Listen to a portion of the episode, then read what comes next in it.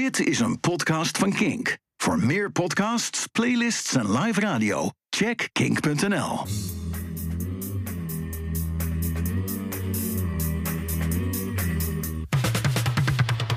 Waar waren we ook alweer gebleven? Annie Warhol, The Velvet Underground en andere protopunk acts hadden de muziekwereld op zijn kop gezet. Met een do-it-zelf mentaliteit en experimentele strip-down rock and roll. Het leidde tot punk in Amerika en even later in het Verenigd Koninkrijk. Als punk een kort leven lijkt te zijn beschoren door het gebrek aan innovatiemogelijkheden, beginnen bands inspiratie te halen uit andere genres. Onder invloed van het experimentele Duitsland en de reggae en dub die te horen zijn in de Londense buitenwijken, ontstaat een geheel nieuw genre dat bekend zal worden onder de noemer postpunk. In deze aflevering, opgesplitst in twee delen, neem ik je mee in de opkomst van het genre rond 77-78. Naar de pioniers die vroegtijdig de punkscene verlieten om zich innovatief te tonen. En hiermee een weg vrijmaakten voor andere postpunkbands in Londen en industriesteden als Manchester, Leeds en Sheffield. Tot in 84 postpunk langzaamaan plaats moet maken voor hip-hop, house, synthpop en grote sterren als Prince, Madonna en Michael Jackson. Mijn naam is Floris Hendricks. Welkom bij Nootjes, een reis door subculturen en genres. Hoofdstuk 1: De tijdsgeest.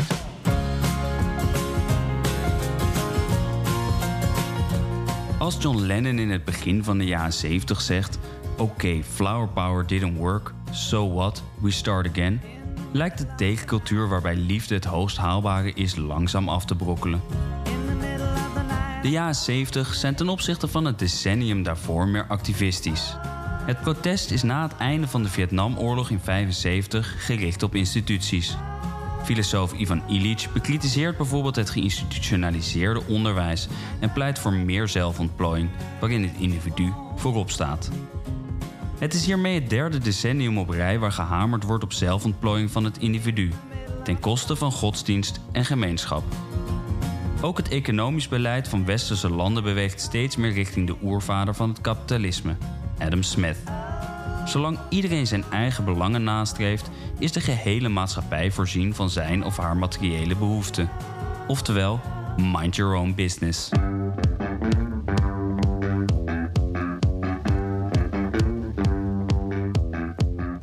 Tegen het einde van de jaren 70 profiteren conservatieve partijen in de Verenigde Staten en Europa van de onvrede onder de bevolking over de kwakkelende economie.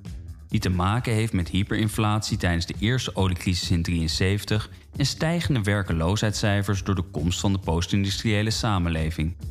Als in 1979 de tweede oliecrisis uitbreekt, doordat de Shah van Perzië wordt verjaagd door conservatieve moslims onder leiding van Ayatollah Khomeini, is de bevolking het zat.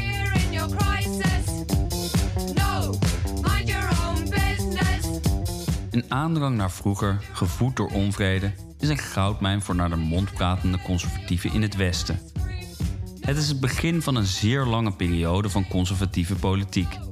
Met de winst van Margaret Thatcher in 1979 begint een periode van 18 conservatieve jaren in het Verenigd Koninkrijk. En ook in Amerika begint twee jaar later met de winst van Reagan een periode van totaal 12 jaar conservatieve politiek. Voor veel studenten, kunstenaars en muzikanten, vaak progressieve socialisten, is de conservatieve regering een bron van irritatie. De samenkomst van deze ontwikkelingen hebben een grote invloed op de verhoudingen tussen bevolkingsgroepen en vormen inspiratie voor veel bands. Of het nu gaat om feministische bands als Delta 5 en Au Pairs, of kapitalistisch kritische als de popgroep, ze voelen over het algemeen de noodzaak om stigma's te doorbreken, commentaar te leveren op het kapitalisme en niet verbonden te zijn aan de muziekbusiness om creativiteit en zelfontplooiing de vrije loop te kunnen laten.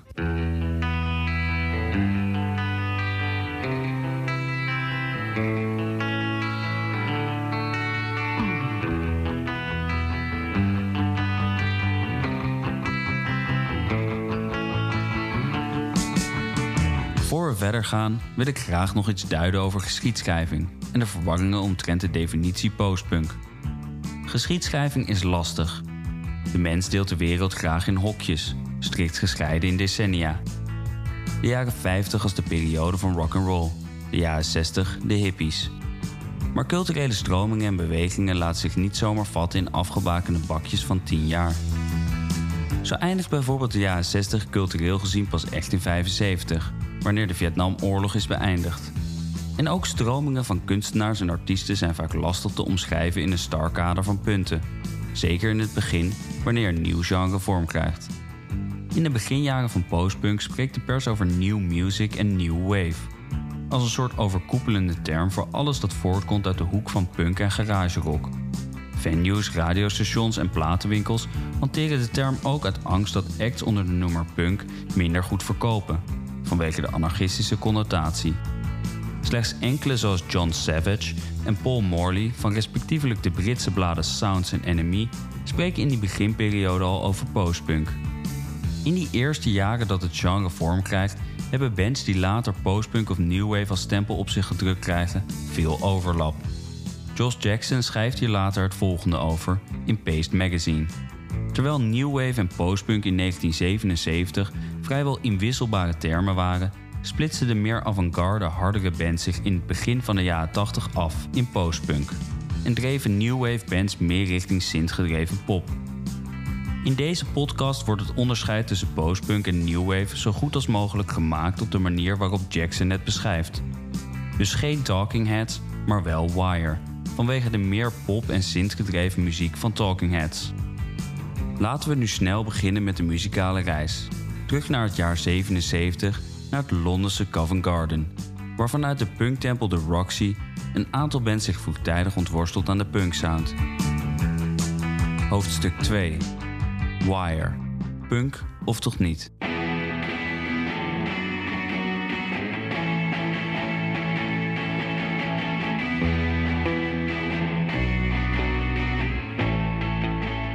Vier maanden nadat Johnny Rotten op Capital Radio Punk de nek om heeft gedraaid, brengt de Londense punkband Wire een debuut-LP uit, Pink Flag.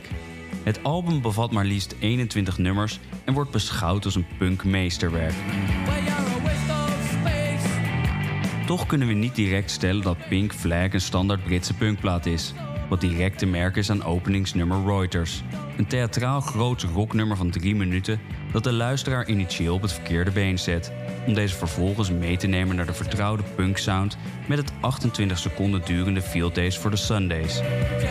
Pink Flag is een onvoorspelbare reis met raadselachtige teksten, waaruit over het algemeen weinig protest blijkt. Het album toont zich speels op een kunstzinnige manier. Een goed voorbeeld hiervan is het nummer X Line Tamer, over de krachtige werking van superhelden-series op tv. Het nummer verleent zijn naam enkel aan de eerder geschrapte tekst over een leeuwentemmer, waarvan de titel Line Tamer was. Het tonen van de eerdere werktitel is helemaal in lijn met de tijdsgeest van de kunstacademie in de jaren 70, waar het proces belangrijker gevonden wordt dan het eindresultaat. De kunstwereld trekt weg van de collectivistische stadscultuur van pop art en de anonieme massaproductie van minimalistische stromingen als de Zero-beweging, om zich meer te richten op zelfbewuste therapeutische uitingsvormen als performance en land art. De vier kunstacademie-studenten van de band Wire omarmen de werkwijze die ze meekrijgen op de academie en passen deze veelvuldig toe op het proces van muziek maken. Ze beschouwen ieder nummer als een nieuw kunstwerk waar alles mogelijk is. Wire week af van de inspiratieloze punk en deed het door artistieke methoden los te laten op de punksound van 1977. Pink Flag wordt om deze reden ook wel gezien als het startpunt van postpunk.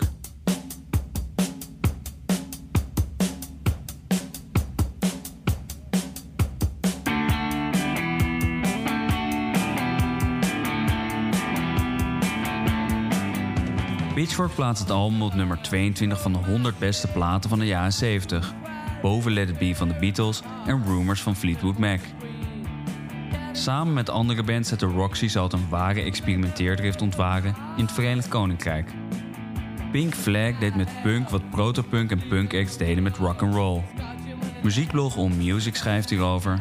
Veel punkbands wilden rock and roll van zijn opsmuk doen, maar Wire ging hierin nog een stap verder door punk zelf terug te brengen tot de essentie. Hiermee plaatsten ze een fundament voor latere postpunkbands en zichzelf.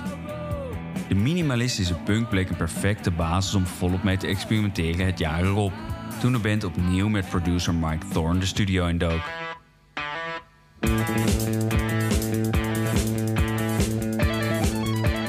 Bij opvolger Chairs Missing verwijdert de sound nog meer van de klassieke punk. Hierin heeft producer Mike Thorne een groot aandeel, die vlak voor de opname uit Amerika state-of-the-art apparatuur heeft meegenomen waarmee de band in staat is geluiden te vervormen. Thorne en de band experimenteren volop. Gitaren die klinken als synths en synths als gitaren. Een goed voorbeeld hiervan is de sterk aanwezige bas op het nummer Being Sucked In Again. Die klinkt alsof er een expanderende glans op zit.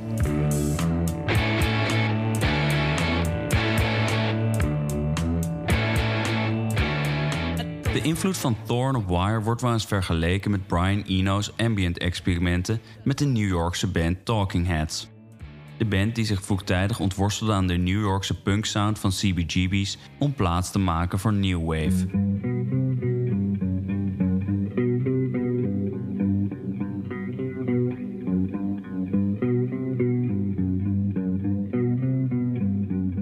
Opener Practice Makes Perfect heeft een ritmisch hoekig gitaarspel.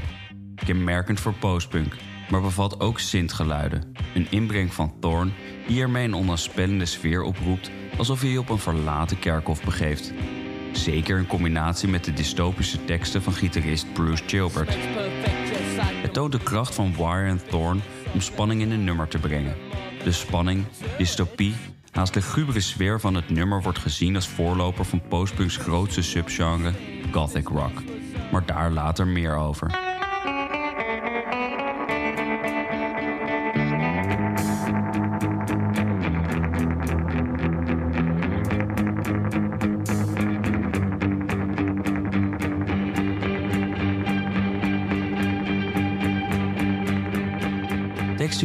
Band nog steeds erg conceptueel.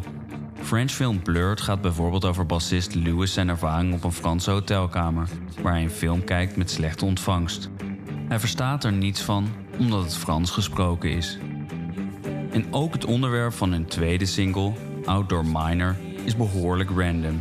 Deze gaat over het leven van een insect, een serpentine miner, waarover Lewis hoorde op een Radio 4 wildlife programma. Het maakt het nummer absoluut niet minder aanstekelijk.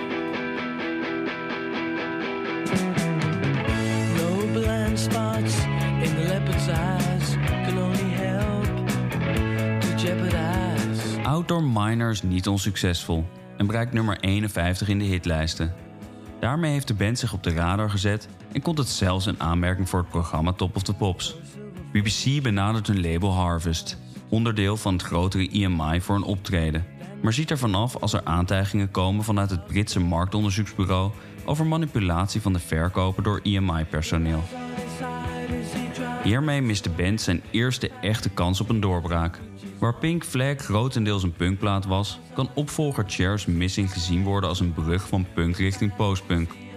Al zou de band nooit een plaat maken die volledig uit postpunk nummers bestaat, komt een derde plaat 154 uitgebracht na precies 154 optredens hier dichtstbij.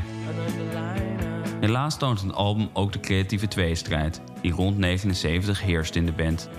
Tussen enerzijds de popgeoriënteerde Newman en producer Thorne en anderzijds Gilbert Lewis, die een voorkeur hebben voor sferische geluidlandschappen à la Brian Eno. De voorliefde van Gilbert Lewis voor ambient is goed te horen op het nummer Touching Display. Het nummer is een voorloper van post-rock. Een genre dat zich pas begin jaren 90 zal manifesteren. Een soort ambient vorm van experimentele rock. Met 154 denkt Harvest opnieuw een kans te hebben om een doorbraak te genereren voor Wire. Maar naast de interne crisis in de band stuit het label op wederzijds onbegrip, wat beide partijen tot wanhoop drijft.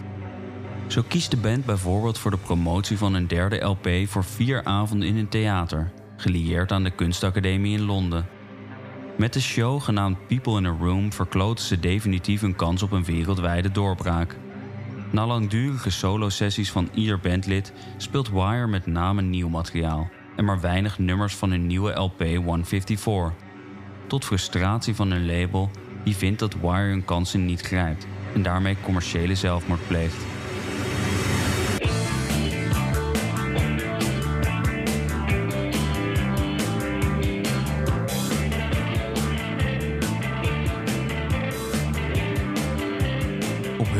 Vindt Wire dat er niet geluisterd wordt naar hun creatieve ideeën. Zanger Newman verwoordt het later als volgt. We waren bezig met een creatief project en waren aangesloten bij een zeer rijke platenmaatschappij waarvan we aannamen dat ze enthousiast zouden reageren op nieuwe ideeën. We wilden zelf ook platen verkopen. We spraken bijvoorbeeld over muziekvideo's. Dit was voor MTV. Maar ik had op zaterdagochtend bij het kijken naar kindertv gezien dat video's erg belangrijk aan het worden waren. We hadden een idee voor onze eerste single Map Rap. Enorm duur, maar zal ons waarschijnlijk makkelijk kunnen overhalen om iets goedkopers te doen, als er überhaupt budget was geweest. Maar EMI zei: Je kunt geen muziek op televisie verkopen. We hebben het al geprobeerd. Hilarisch. Zeker gezien wat een jaar later gebeurde. Achteraf kan ik zien hoe Wire leed onder het feit dat we onze tijd ver vooruit waren. Als we in 1980 op een label hadden gezeten dat bereid was geld in een video te steken, zouden we een van de eerste generatie MTV-bands zijn geweest, naast bands als Talking Heads. Ondanks dat Wire creatief gezien niet op één lijn kwam met hun label, is de invloed van de band op de decennia daarna enorm. Drie meestelijke platen die zo snel innoveerden dat het publiek weinig tijd had eraan te wennen. En waardoor misschien ook wel de koek op was na 154. Pitchfork schrijft in 2006 bij de heruitgave van de eerste drie LP's. In de laatste drie jaar van de 70s had het Engelse kwartet een van de grootste opening runs van alle bands. Richting postpunk bewegen voordat punk oud begon te worden. Wire smeedde drie meesterwerken in een creatieve oven die zo heet was dat het tegen het einde van de jaren 80 al opgebrand bleek. Al komt Wire na 154 nog een aantal keer terug met materiaal dat zeker relevante en innovatieve nummers bevat, hun invloedrijkste periode is voorbij. De eerste drie platen blijven de meest toonaangevende en laten de meeste sporen achter in de muziekwereld. Hun minimalistische explosieve punknummers vormden inspiratie voor hardcore punkers in de jaren 80. De onafspellende synths en spanningsopbouw zien we volop terug bij gothic rock. De combinatie van ambient met punk is een voorloper van post-rock, dat zich pas echt manifesteert in de jaren 90 met bands als Slint en Talk Talk.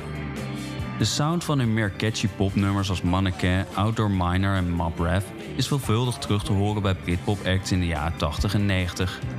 En bovenal was Pink Flag het startschot richting postpunk. Het startschot van een hattrick waarmee Wire met recht een van de belangrijkste bands van de jaren 70 genoemd mag worden. Hoofdstuk 3 Sushi and the Banshees. Duister en ruimtelijk.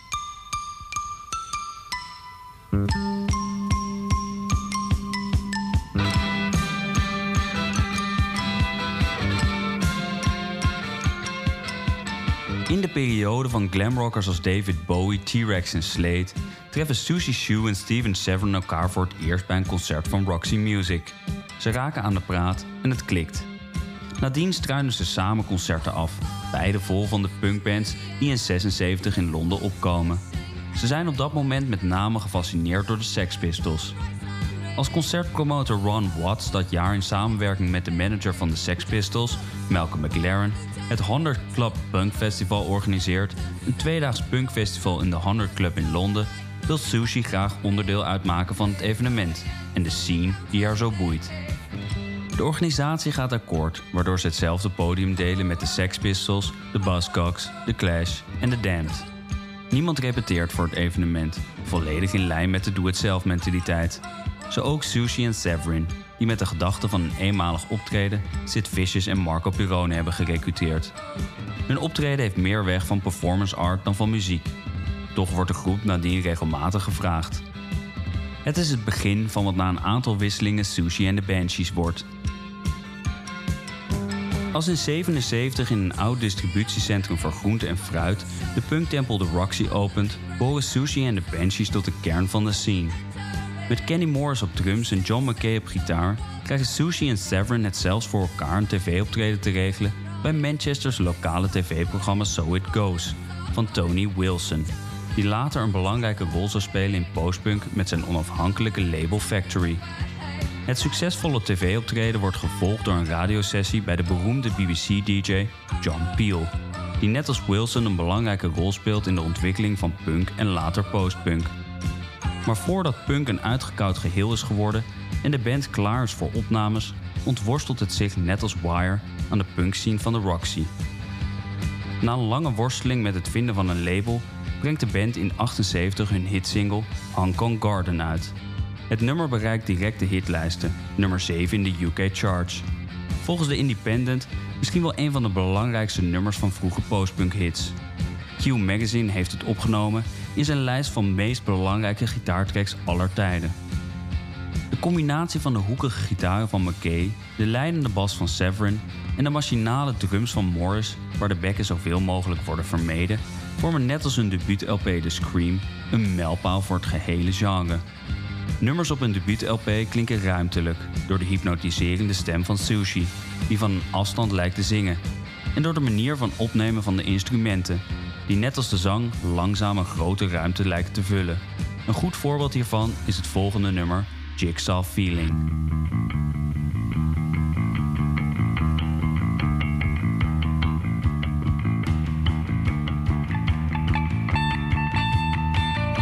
De algemene sound van de Scream is grimmig, angstig en duister, zoals bij latere gothic rockbands.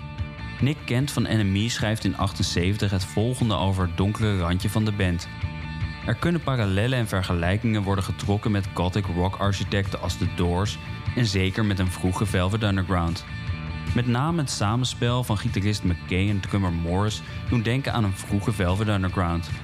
AllMusic schrijft hierover in een recensie van The Scream John McKay's metalachtige, maar geen metal gitaarpartijen en riffs, die nooit helemaal oplossen in conventionele melodieën, in combinatie met de kloppende ritmesectie van Steven Severin en Kenny Morris, distilleren de vroege voortzetting van de Velvet Underground in een scherpere punch met meer dan een vleugje glamrock en tribale drums.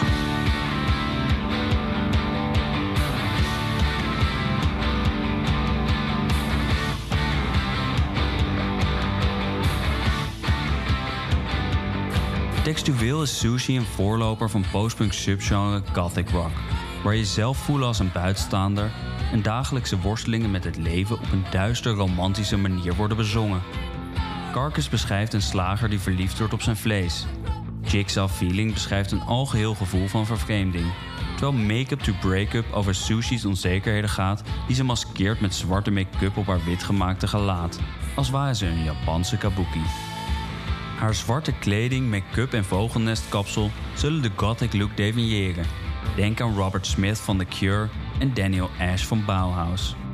Critici zijn lovend over het debuut van de band en zien in Sushi en de Banshees de toekomst. Het Britse weekblad Record Mirror schrijft: The Scream is een meesterwerk dat ik zes maanden lang niet als zodanig herkende. De plaat wijst de weg naar de toekomst, past bij een nieuw tijdperk en is een mijlpaal in de muziek. Sounds benoemt de Scream tot de debuutplaat van het jaar en geeft het 5 uit 5 sterren. En ook in 2017 wordt de LP nog steeds erkend als een revolutionaire debuutplaat, wanneer Q Magazine deze opneemt in hun lijst van debuutplaten die muziek drastisch hebben veranderd. Opvolger Join Hands gaat verder in het verlengde van hun debuut. Voor de band haar line-up verandert met gitarist van Manchester's Magazine, John McCock, en de drummer van de Londense band The Slits, Budgie.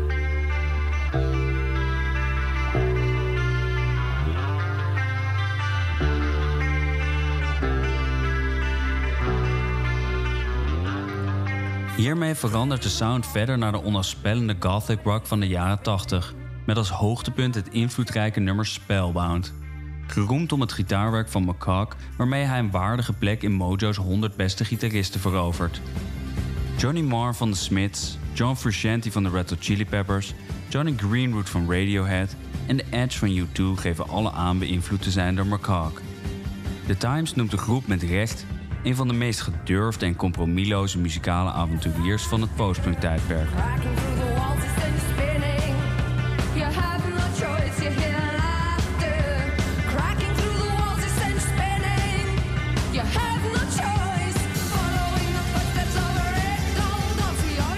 Hoofdstuk 4: The Tribal Revival.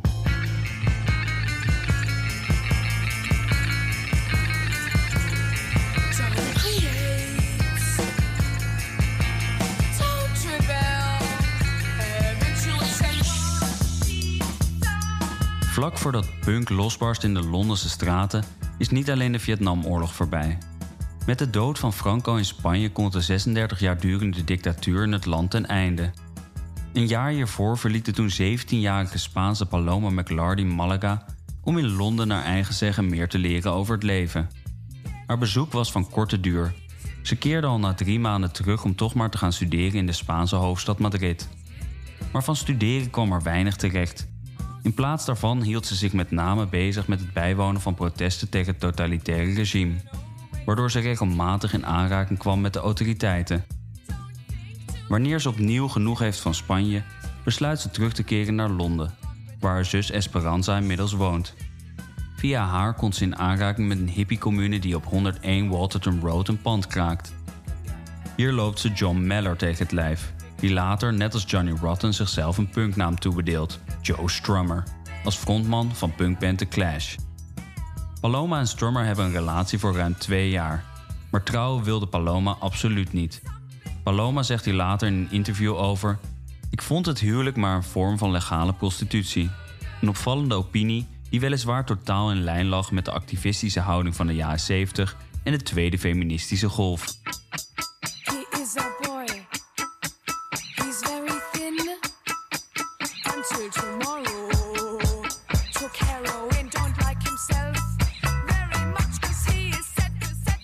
Haar activistische en bewuste houding ten opzichte van vrouwelijke emancipatie komt niet alleen naar voren in haar relatie met Strummer.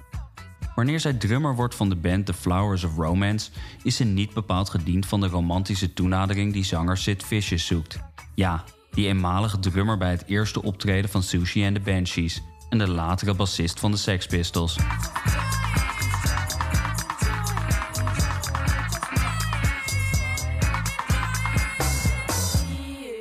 Hij denkt als man alles te kunnen krijgen. Niet bij Paloma. Uit frustratie gooit Vicious haar uit de band. Paloma laat zich hierdoor absoluut niet uit het veld slaan en is vastberaden. Haar volgende band moet en zou het vrouwenbestaan. Ik wil niet dat muziek maken en nummers schrijven afhankelijk zijn van het feit of ik met een man naar bed ga of niet, zegt Paloma later hierover. Rond dezelfde periode van het incident heeft ze haar naam veranderd in Palmalief. Het verhaal gaat dat dit gebaseerd is op een verspreking van de bassist van The Clash, Paul Simonen.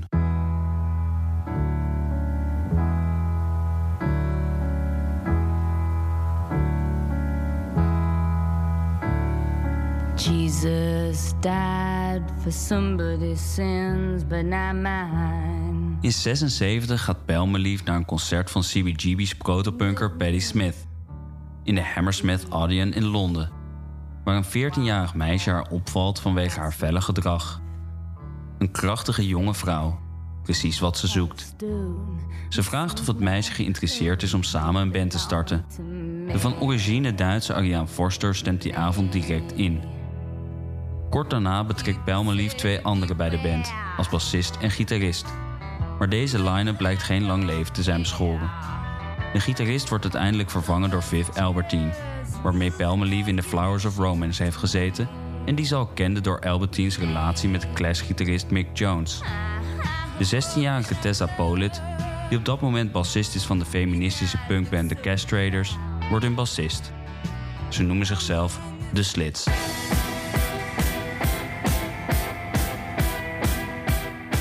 De twee opvolgende jaren gaat de band mee als support act met The Clash, op respectievelijk hun White Riot en Sorted Out tour.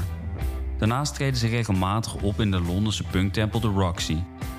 Vivian Goldman is een van de eerste journalisten die over de band schrijft in het blad Sounds. Na aanleiding van een performance als voorprogramma van The Clash beschrijft ze de dames niet als een inwisselbaar schuchter voorprogrammabandje, maar als een band met een zekere présence. Ze benadrukt Ari Forsters ongebreidelde vocale razernij, Belmelief's felle beuken op drums en de algehele vrijheid en wildheid van de muzikale en fysieke uitvoering van de band, waarmee ze het publiek verraste.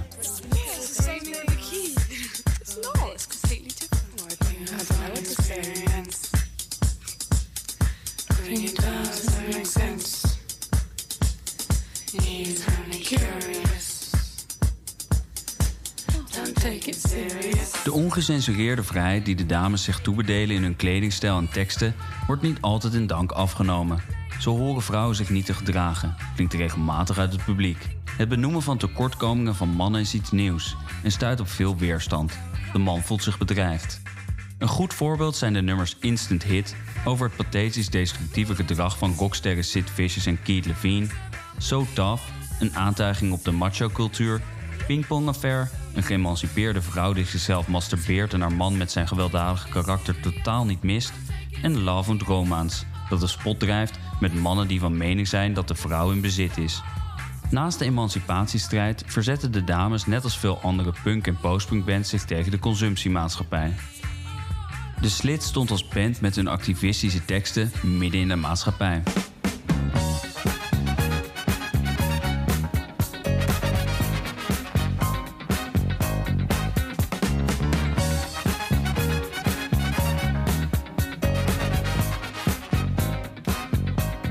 Tweede tour met de Clash wordt oprichter Pelmelief uit de band gezet. Haar onvrede over de samenwerking rondom creatieve beslissingen en het contact met de voormalig manager van de Sex Pistols, Malcolm McLaren, leidden tot spanningen. Pelmelief blijkt niet op één lijn te liggen met de rest. Met name de houding van McLaren irriteert haar mateloos. Zijn eerste poging om de band te managen deed hij bijvoorbeeld met de opmerkelijke woorden: Ik wil met jullie werken, omdat jullie vrouwen zijn en muziek spelen. Ik haat muziek en vrouwen. Ik leef op haat. Na een eerste afwijzing doet hij nogmaals een verwoede poging. Hij probeert de band te koppelen aan een obscuur disco-label in Duitsland, in de hoop dat hij alsnog met de slits de wereld kan veroveren. De band ziet ook hiervan af. Ze zien niets in zijn idee om te verplaatsen richting de commerciële wereld van disco. Toch blijft de band zonder Pijlmelief openstaan voor zijn adviezen, ondanks zijn grove woorden en later ook seksistisch en eigenaardige ideeën. Gitarist Albertine zegt later het volgende hierover in The Guardian. Ik hield van de ideologie van Malcolm McLaren en zijn vrouw Vivienne Westwood. Alles ter discussie stellen, dat vormde ook de basis voor onze muziek.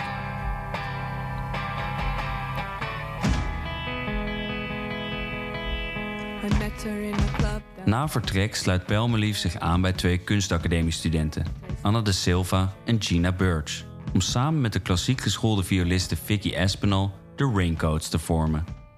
In tegenstelling tot veel andere punkbands die doen alsof ze onbekwaam zijn, zijn oprichters Anna de Silva en Gina Birch werkelijk personen die het vak leren op het podium, terwijl mensen kijken naar hun progressie. De combinatie van ervaren muzikanten als Pelmelief en de violiste Espinal en de lerende Da Silva en Birch leidt tot een verrassend en speels debuutalbum voor het onafhankelijke Londense label Rough Trade. Op het album worden folk, reggae, disco en tribale drums moeiteloos vermengd. Het avant-gardistische postpunk-album herinnert aan de experimentele viool van John Cale van de Velvet Underground, als we het spel horen van Vicky Espinal. Terwijl een pijlmelief spel het polyritmische experiment van postpunkbands terug te vinden is. En Da Silva zijn te horen met een punky atonaal stemgeluid, wat opnieuw een herinnering oproept aan de Velvet Underground, maar dit keer aan Nico. De teksten laten net als bij de Slits onafhankelijke vrouwen horen, die op een geëmancipeerde manier reflecteren op het leven en de ongelijke behandeling van mannen en vrouwen. In het nummer Of Duty Trip gaat het bijvoorbeeld over een militair die na het verkrachten van een vrouw vrijgesproken wordt om zijn carrière in het leger niet in de weg te zitten.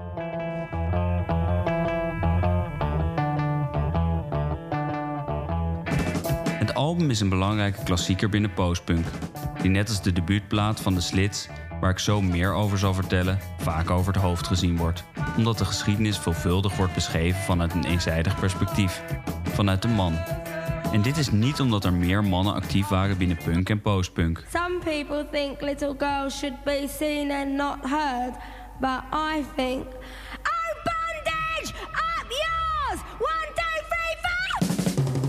Muziekhistoricus Caroline Coon geeft aan dat het mogelijk zou zijn om de hele geschiedenis van punkmuziek te schrijven zonder enige mannelijke band te noemen. Johnny Rotten beaamt de bijdrage van vrouwen in 2009 in die Observer met de woorden: De Raincoats boden een hele andere manier van werken, net als X-Ray Specs. Alle boeken over punk hebben niet door dat deze vrouwen erbij betrokken waren. En ook in zijn eerdere biografie zegt Rotten dat ten tijde van de Sex Pistols vrouwen met mannen speelden en dat ze het op gelijke voet tegen de mannen opnamen. Het was weliswaar niet strijdlustig, maar we vulden elkaar gelijkwaardig aan. Het blijkt maar weer dat de emancipatiestrijd niet was en is gestreden.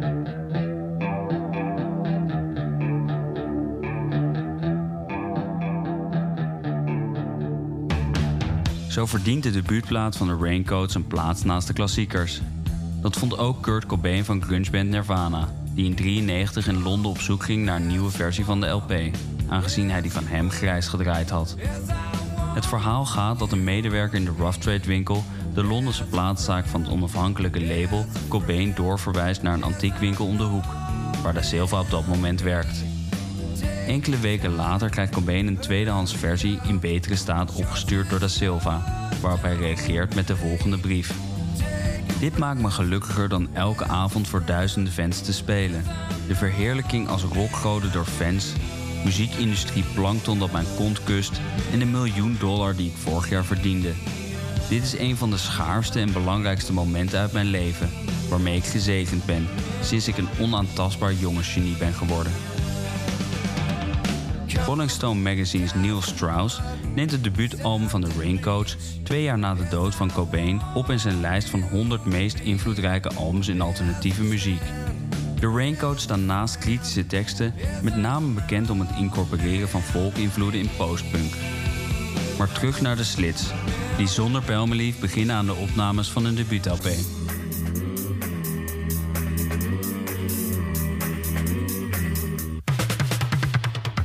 Na McLaren definitief afgewezen te hebben als manager en Pelmelief te hebben vervangen door drummer Peter Clark, beter bekend als Budgie, tekent de band in 78 bij Island Records, waar ze toch niet helemaal af zijn van McLaren. Hij wordt gevraagd door het label om een film te maken over de band. Hij bedacht een scenario waarin hij de Slits voor zich zag als een all-girl band, die naar Mexico zou afreizen om daar als slaaf verkocht te worden, en waar ze uiteindelijk alles zouden veranderen in porno-discosterren. Muziekjournalist Simon Reynolds beschrijft het idee voor de film van McLaren, die blijkbaar nog steeds hoop had dat de Slits zijn gedroomde discoband werd. De band distancieert zich van het bizarre idee van McLaren en begint in de zomer van 79 onbezorgd aan een debuutalbum Cut. Onder invloed van een nieuwe drummer Budgie en de liefde van Forster voor reggae en dub wordt de sound minder rauw en iets wat toegankelijker. We horen minder pure punk meer reggae geïntegreerd in de vorm van rhythm and bass. En er wordt ook volop geëxperimenteerd met tribale polyritmische drumpartijen. Het laatste zetje komt van de gerenommeerde reggae en dub producer Dennis Bovell, die benaderd wordt door een radeloze Chris Blackwell van Island Records.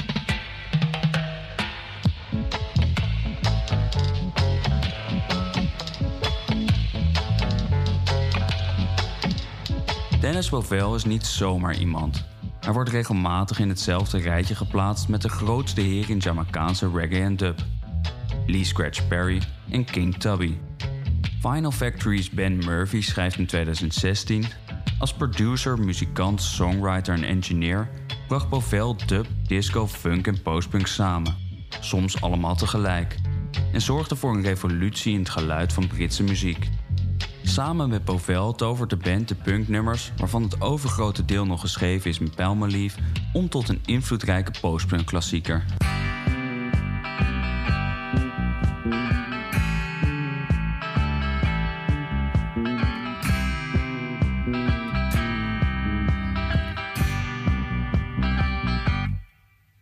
Op het album Cut horen we dub, wereldmuziek, polyritmische en vaak niet resonerende drums, hoekig gitaarwerk, activistische teksten door Ari gezongen met een haast atonaal stemgeluid en haar Duits-Jamaicaanse accent.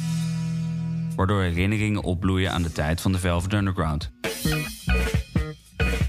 Bovenop dit alles verliest het zijn rauwe doe-het-zelf en punky attitude geen moment. Een verloren parel, vaak onterecht over het hoofd gezien door de masculine dominantie in de muziekgeschiedschrijving. Maar als het gaat over de slits, kan niet voorbij gegaan worden aan de cover van hun debuut. De paarskleurige albumhoes met een foto waarop Ari, Tessa en Viv topless te zien zijn, bedekt met modder en enkel een lendenlapje als kledingstuk. De cover is niet alleen geweldig mooi, maar staat ook voor een tijd waarin institutioneel onderwijs ter discussie wordt gesteld. De band is hier maar absoluut niet uit om de vrouw te seksualiseren. De band wil hiermee een eer bewijzen aan basic instinctieve volkeren. Het is een directe link naar de cover van de debuutplaat van een bevriende band uit Bristol, de Popgroup, waarop de monnemannenstam uit Papua Nieuw-Guinea te zien is.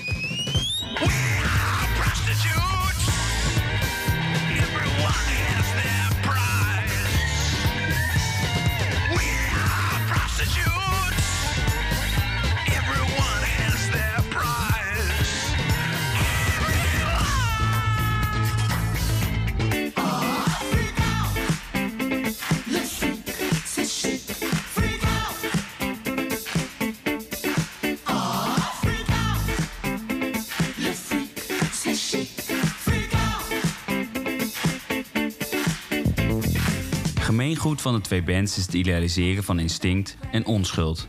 In zekere zin te vergelijken met de attitude over techniek gaat het over de kracht die zonder onderwijs al in de mens huist.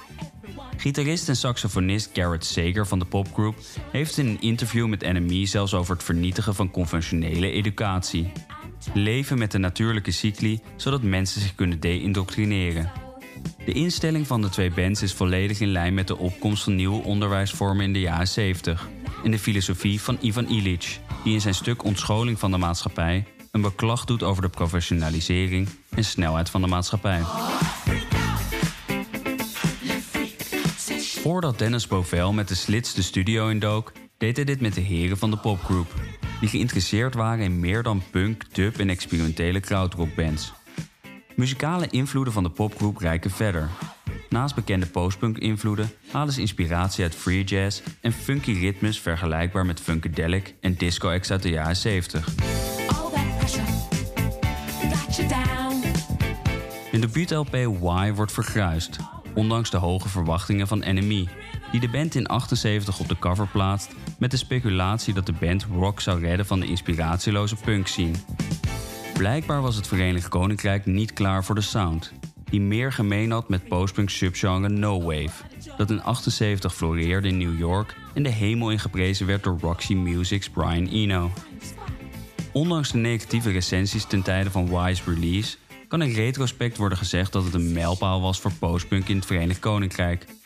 De plaat pushte de experimentele kant van postpunk nog verder, met funk, noise, nieuwe ritmes en reverb, verder dan ieder ander in Londen.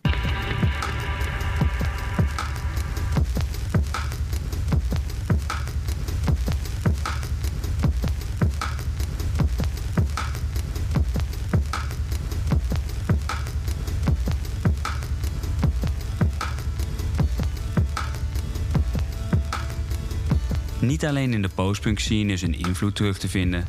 Triple act Massive Attack, industrial band Nine Inch Nails en postrockers Swans en Nick Cave geven aan anders te hebben geklonken zonder de popgroep. Jaren later ziet ook de muziekpers de sporen die de band achter heeft gelaten. Pas in 92 komt er een soort rectificatie voor de band in het Britse muziekblad The Wire, die de plaat opneemt in hun lijst van 100 meest invloedrijke platen aller tijden. Pitchfork volgt in 2014 en plaatst het debuut op nummer 35 van de beste platen van de jaren 70, boven Rumors van Fleetwood Mac of The Wall van Michael Jackson en What's Going On van Marvin Gaye. De plaat is een unieke mijlpaal binnen postpunk, waarbij ze in staat zijn om zoveel naoorlogse muziekstijlen, literatuur en filosofie te combineren en te gieten in een radicaal politiek geëngageerd geheel. De Slits, de Raincoats en de popgroup hebben een grote bijdrage geleverd aan de experimenteerdrift in het Verenigd Koninkrijk. Door te laten zien dat de do-it-zelf en punk attitude te combineren zijn met een diversiteit aan stijlen en ritmes. Ondanks hun geringe bekendheid laten de bands een prachtig document na van de politieke strijd in het Verenigd Koninkrijk en de wereld van toen. Over rechten waarvoor op sommige gebieden helaas nog steeds gestreden moet worden.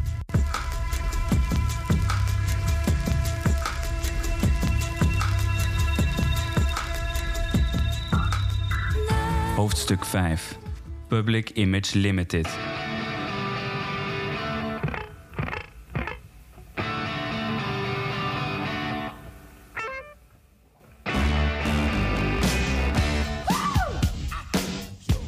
Wanneer de Sex Pistols en de Clash in 76 het podium delen, is al snel duidelijk dat beide bands een buitenbeentje hebben. De Sex Pistols in de vorm van frontman Johnny Rotten en de Clash in de vorm van gitarist Keith Levine. Ze zijn beide ontevreden over hoe weinig innovatie er plaatsvindt in hun bands. Voor Rotten en Levine is de muziek die ze maken niets anders dan de hard rock uit de Verenigde Staten. In Rip It Up and Start Again van Simon Reynolds zegt Levine: Voor mij waren de Pistols de laatste rock and roll band. Ze waren absoluut niet het begin van iets. Bill daarentegen voelde echt als het begin van iets nieuws. Hij heeft het over de band die hij twee jaar na zijn eerste ontmoeting met Rotten zou beginnen: Public Image Limited. Ze hebben grootse plannen. Het is geen standaard band, maar een corporatie waar het maken van albums slechts één onderdeel is van het geheel. Van soundtracks voor film tot videoalbums en het bedenken van innovatieve muziektechnologieën. Public Image Limited moet alles en nog wat toevoegen aan de muziekwereld. Om het niet alleen te innoveren, maar ook om de missie van de punkbeweging, het demystificeren van de muziekindustrie te bewerkstelligen. Grootse plannen die met name beperkt blijven tot het maken van muziek. Maar hoe zit het eigenlijk met de afkeer van grote labels om de muziekbusiness te demystificeren? Ze worden intussen flink gespekt door het grote label Virgin, die in Rotten de nieuwe David Bowie ziet. Om hun weerzin toch te tonen tegen het gemaakte imago van rocksterren en punkers, verruilen ze hun punkkleding voor maatpakken. Vanuit Rotten is dit waarschijnlijk meer een afkeer geweest richting zijn voormalig manager Malcolm McLaren, die zijn persona Johnny Rotten zo uitvergroten dat het ten tijde van de Sex Pistols regelmatig leidde tot geweld richting Rotten.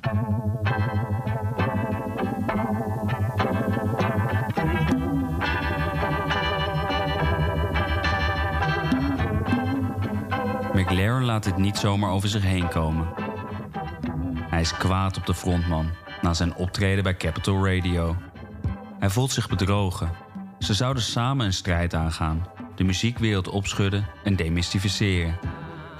Hij claimt de naam en het karakter Johnny Rotten, zodat Rotten deze, wanneer hij verder gaat met Levine als Public Image Limited, niet meer kan gebruiken. Vanaf Public Image Limited is het daarom gewoon weer John Lydon. De opnames voor een debuutplaat Public Image First Issue gaan van start in juli 1978 in de Wessex Studios te Londen, waar ze enkel een eerste single Public Image zullen opnemen. In oktober van dat jaar wordt deze door Virgin uitgegeven in een albumhoes waar de band bereikt op de voorpagina van een verzonnen krant. Het eerste dat opvalt is de dik aangezette bas van Lydons vriendje Wobble, die met een constant zware vibratie leidend is Nadat Wobble aftrapt, volgt de motoric beat van drummer Jim Walker. En kort daarna het virtuose gitaarwerk van Levine, die door muziekjournalist Reynolds ook wel de Jimi Hendrix van postpunk wordt genoemd.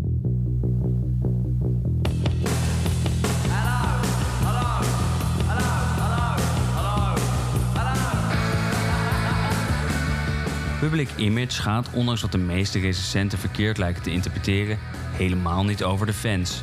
Het gaat over de onvrede over de groep waar ik vroeger in zat, vertelt Leidon dat jaar muziekblad Melody Maker. Na de release van hun single Public Image nemen ze de rest van de A-kant van hun debuut op in zowel de Townhouse Studios en de Manor Studio. Het overkoepelende thema is anti-religie. Een aantal teksten had Leidon al geschreven in zijn tijd met de Sex Pistols, maar die hadden geen oor naar zijn blasfemische woorden. Met name in Religion 1 en 2, nummers met precies dezelfde tekst, 1 uitsluitend met de vocalen van Lydon, 2 begeleid door de band, valt hij het christendom aan met zinnen als With the lies of statues in their minds and pray to the god of a bitch spelled backwards is dog en fat pig priests. En ook het nummer Annalisa gaat over de donkere kant van religie. Over het waargebeurde verhaal van twee religieuze ouders die een dochter hebben laten verhongeren omdat ze dachten dat ze bezeten was. De B-kant van de plaat daarentegen, opgenomen in de goedkopere Gooseberry Sound Studios vanwege het opraken van hun budget, is meer gefocust op het ridiculiseren van het stereotype van rocksterren. Zo persifleert Lowlife de wanstaltige rockster die bassist Sid Vicious is geworden onder druk van McLaren. En gaat de tag over het belagen van Lydon door het stereotyperende karakter Johnny Rotten. Alle nummers vormen een samenspel van scherp klinkende rockmuziek en het warmere geluid van dub met uitzondering van het vocale Religion 1 en de sluittrack Vodderstomp, die funky basslicks combineert met een breakbeat tot een soort disco-track, waarbij teksten als We Only Wanted to Be Loved de dansbare nummers over liefde tegelijkertijd ook weer belachelijk maken.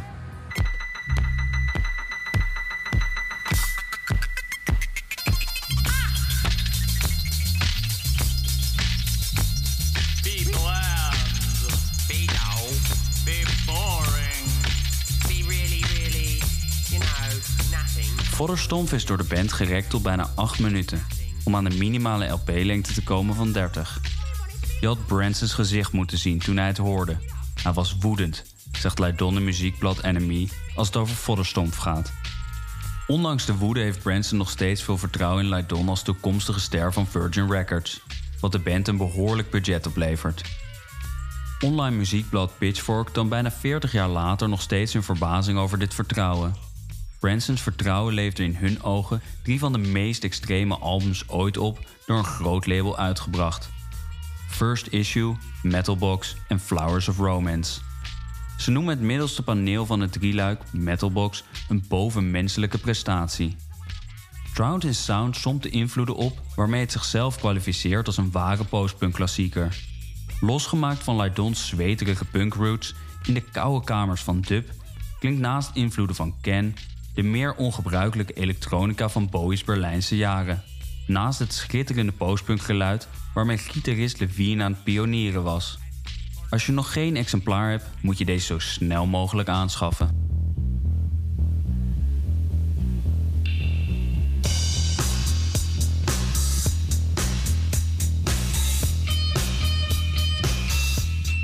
'79 is naast de release van Metalbox een roerig jaar voor zanger Lydon. Niet alleen zijn moeder overlijdt aan de gevolgen van kanker, ook bassist van de Sex Pistols, Sid Vicious, sterft na een heroïneoverdosis. De man die hij eerder nog belachelijk maakte in het nummer Lowlife, ging hem toch meer aan het hart dan hij dacht. Maar het overlijden van zijn moeder steekt hem logischerwijs het meest. Hij beschrijft haar dood op een eerste single, genaamd Dead Disco, die later op Metalbox Swan Lake zal heten, verwijzend naar het stuk van Tchaikovsky dat in een krakende uitvoering op de achtergrond te horen is. Aan Select Magazine legt Lydon uit: Ze was stoer, mijn moeder. Ze vroeg me een disco-nummer te schrijven voor haar begrafenis. Dit was echter niet bepaald vrolijk spul.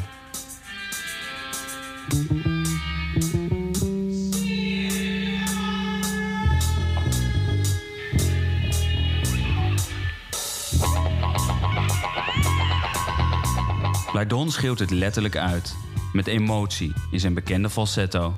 Hij klinkt wanhopig als hij beschrijft dat zijn moeder langzaam vervaagt.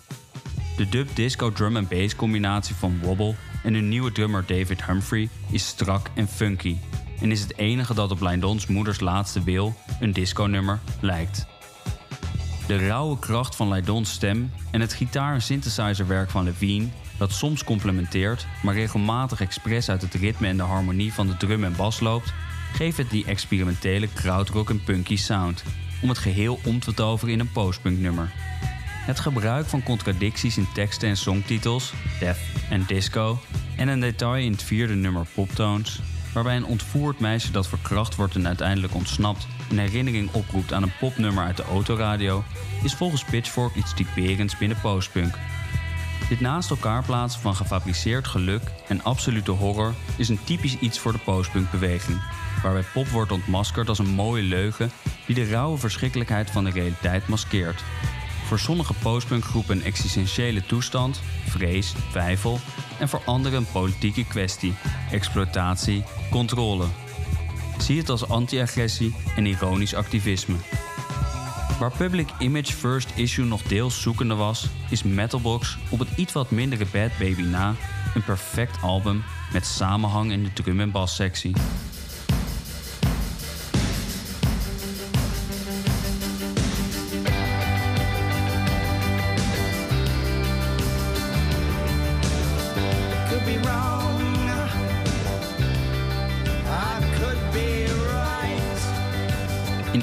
naar een derde album loopt het drugsgebruik van Levine en Ladon steeds verder uit de hand.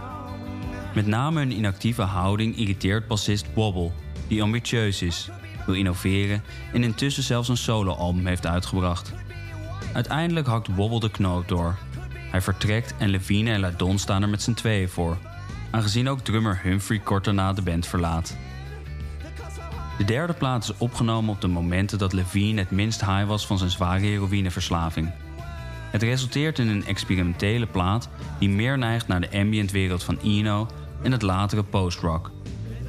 Het leidt tot grote onvrede bij Virgin, die uit angst de plaat uitstelt en uitstelt. Eerst nog maar een live plaat released, om uiteindelijk The Flowers of Romance in 81 alsnog uit te brengen.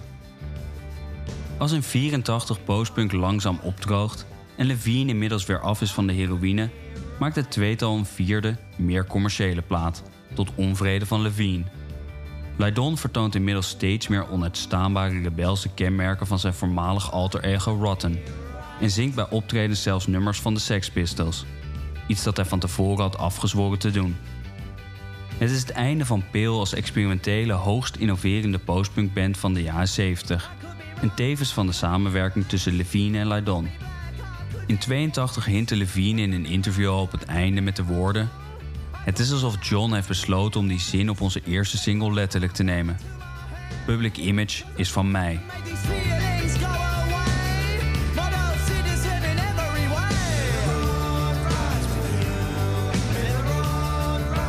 Met het einde van Public Image Limited komen we bij het einde van het eerste deel van aflevering 2.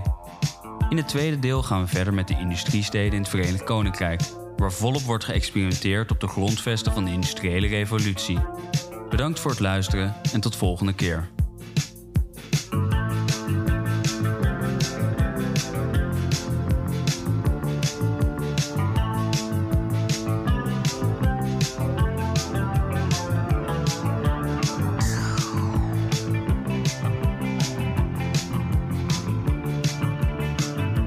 Bedankt voor het luisteren naar deze Kink podcast. Voor meer interviews en muziek, check de Kink app of kink.nl.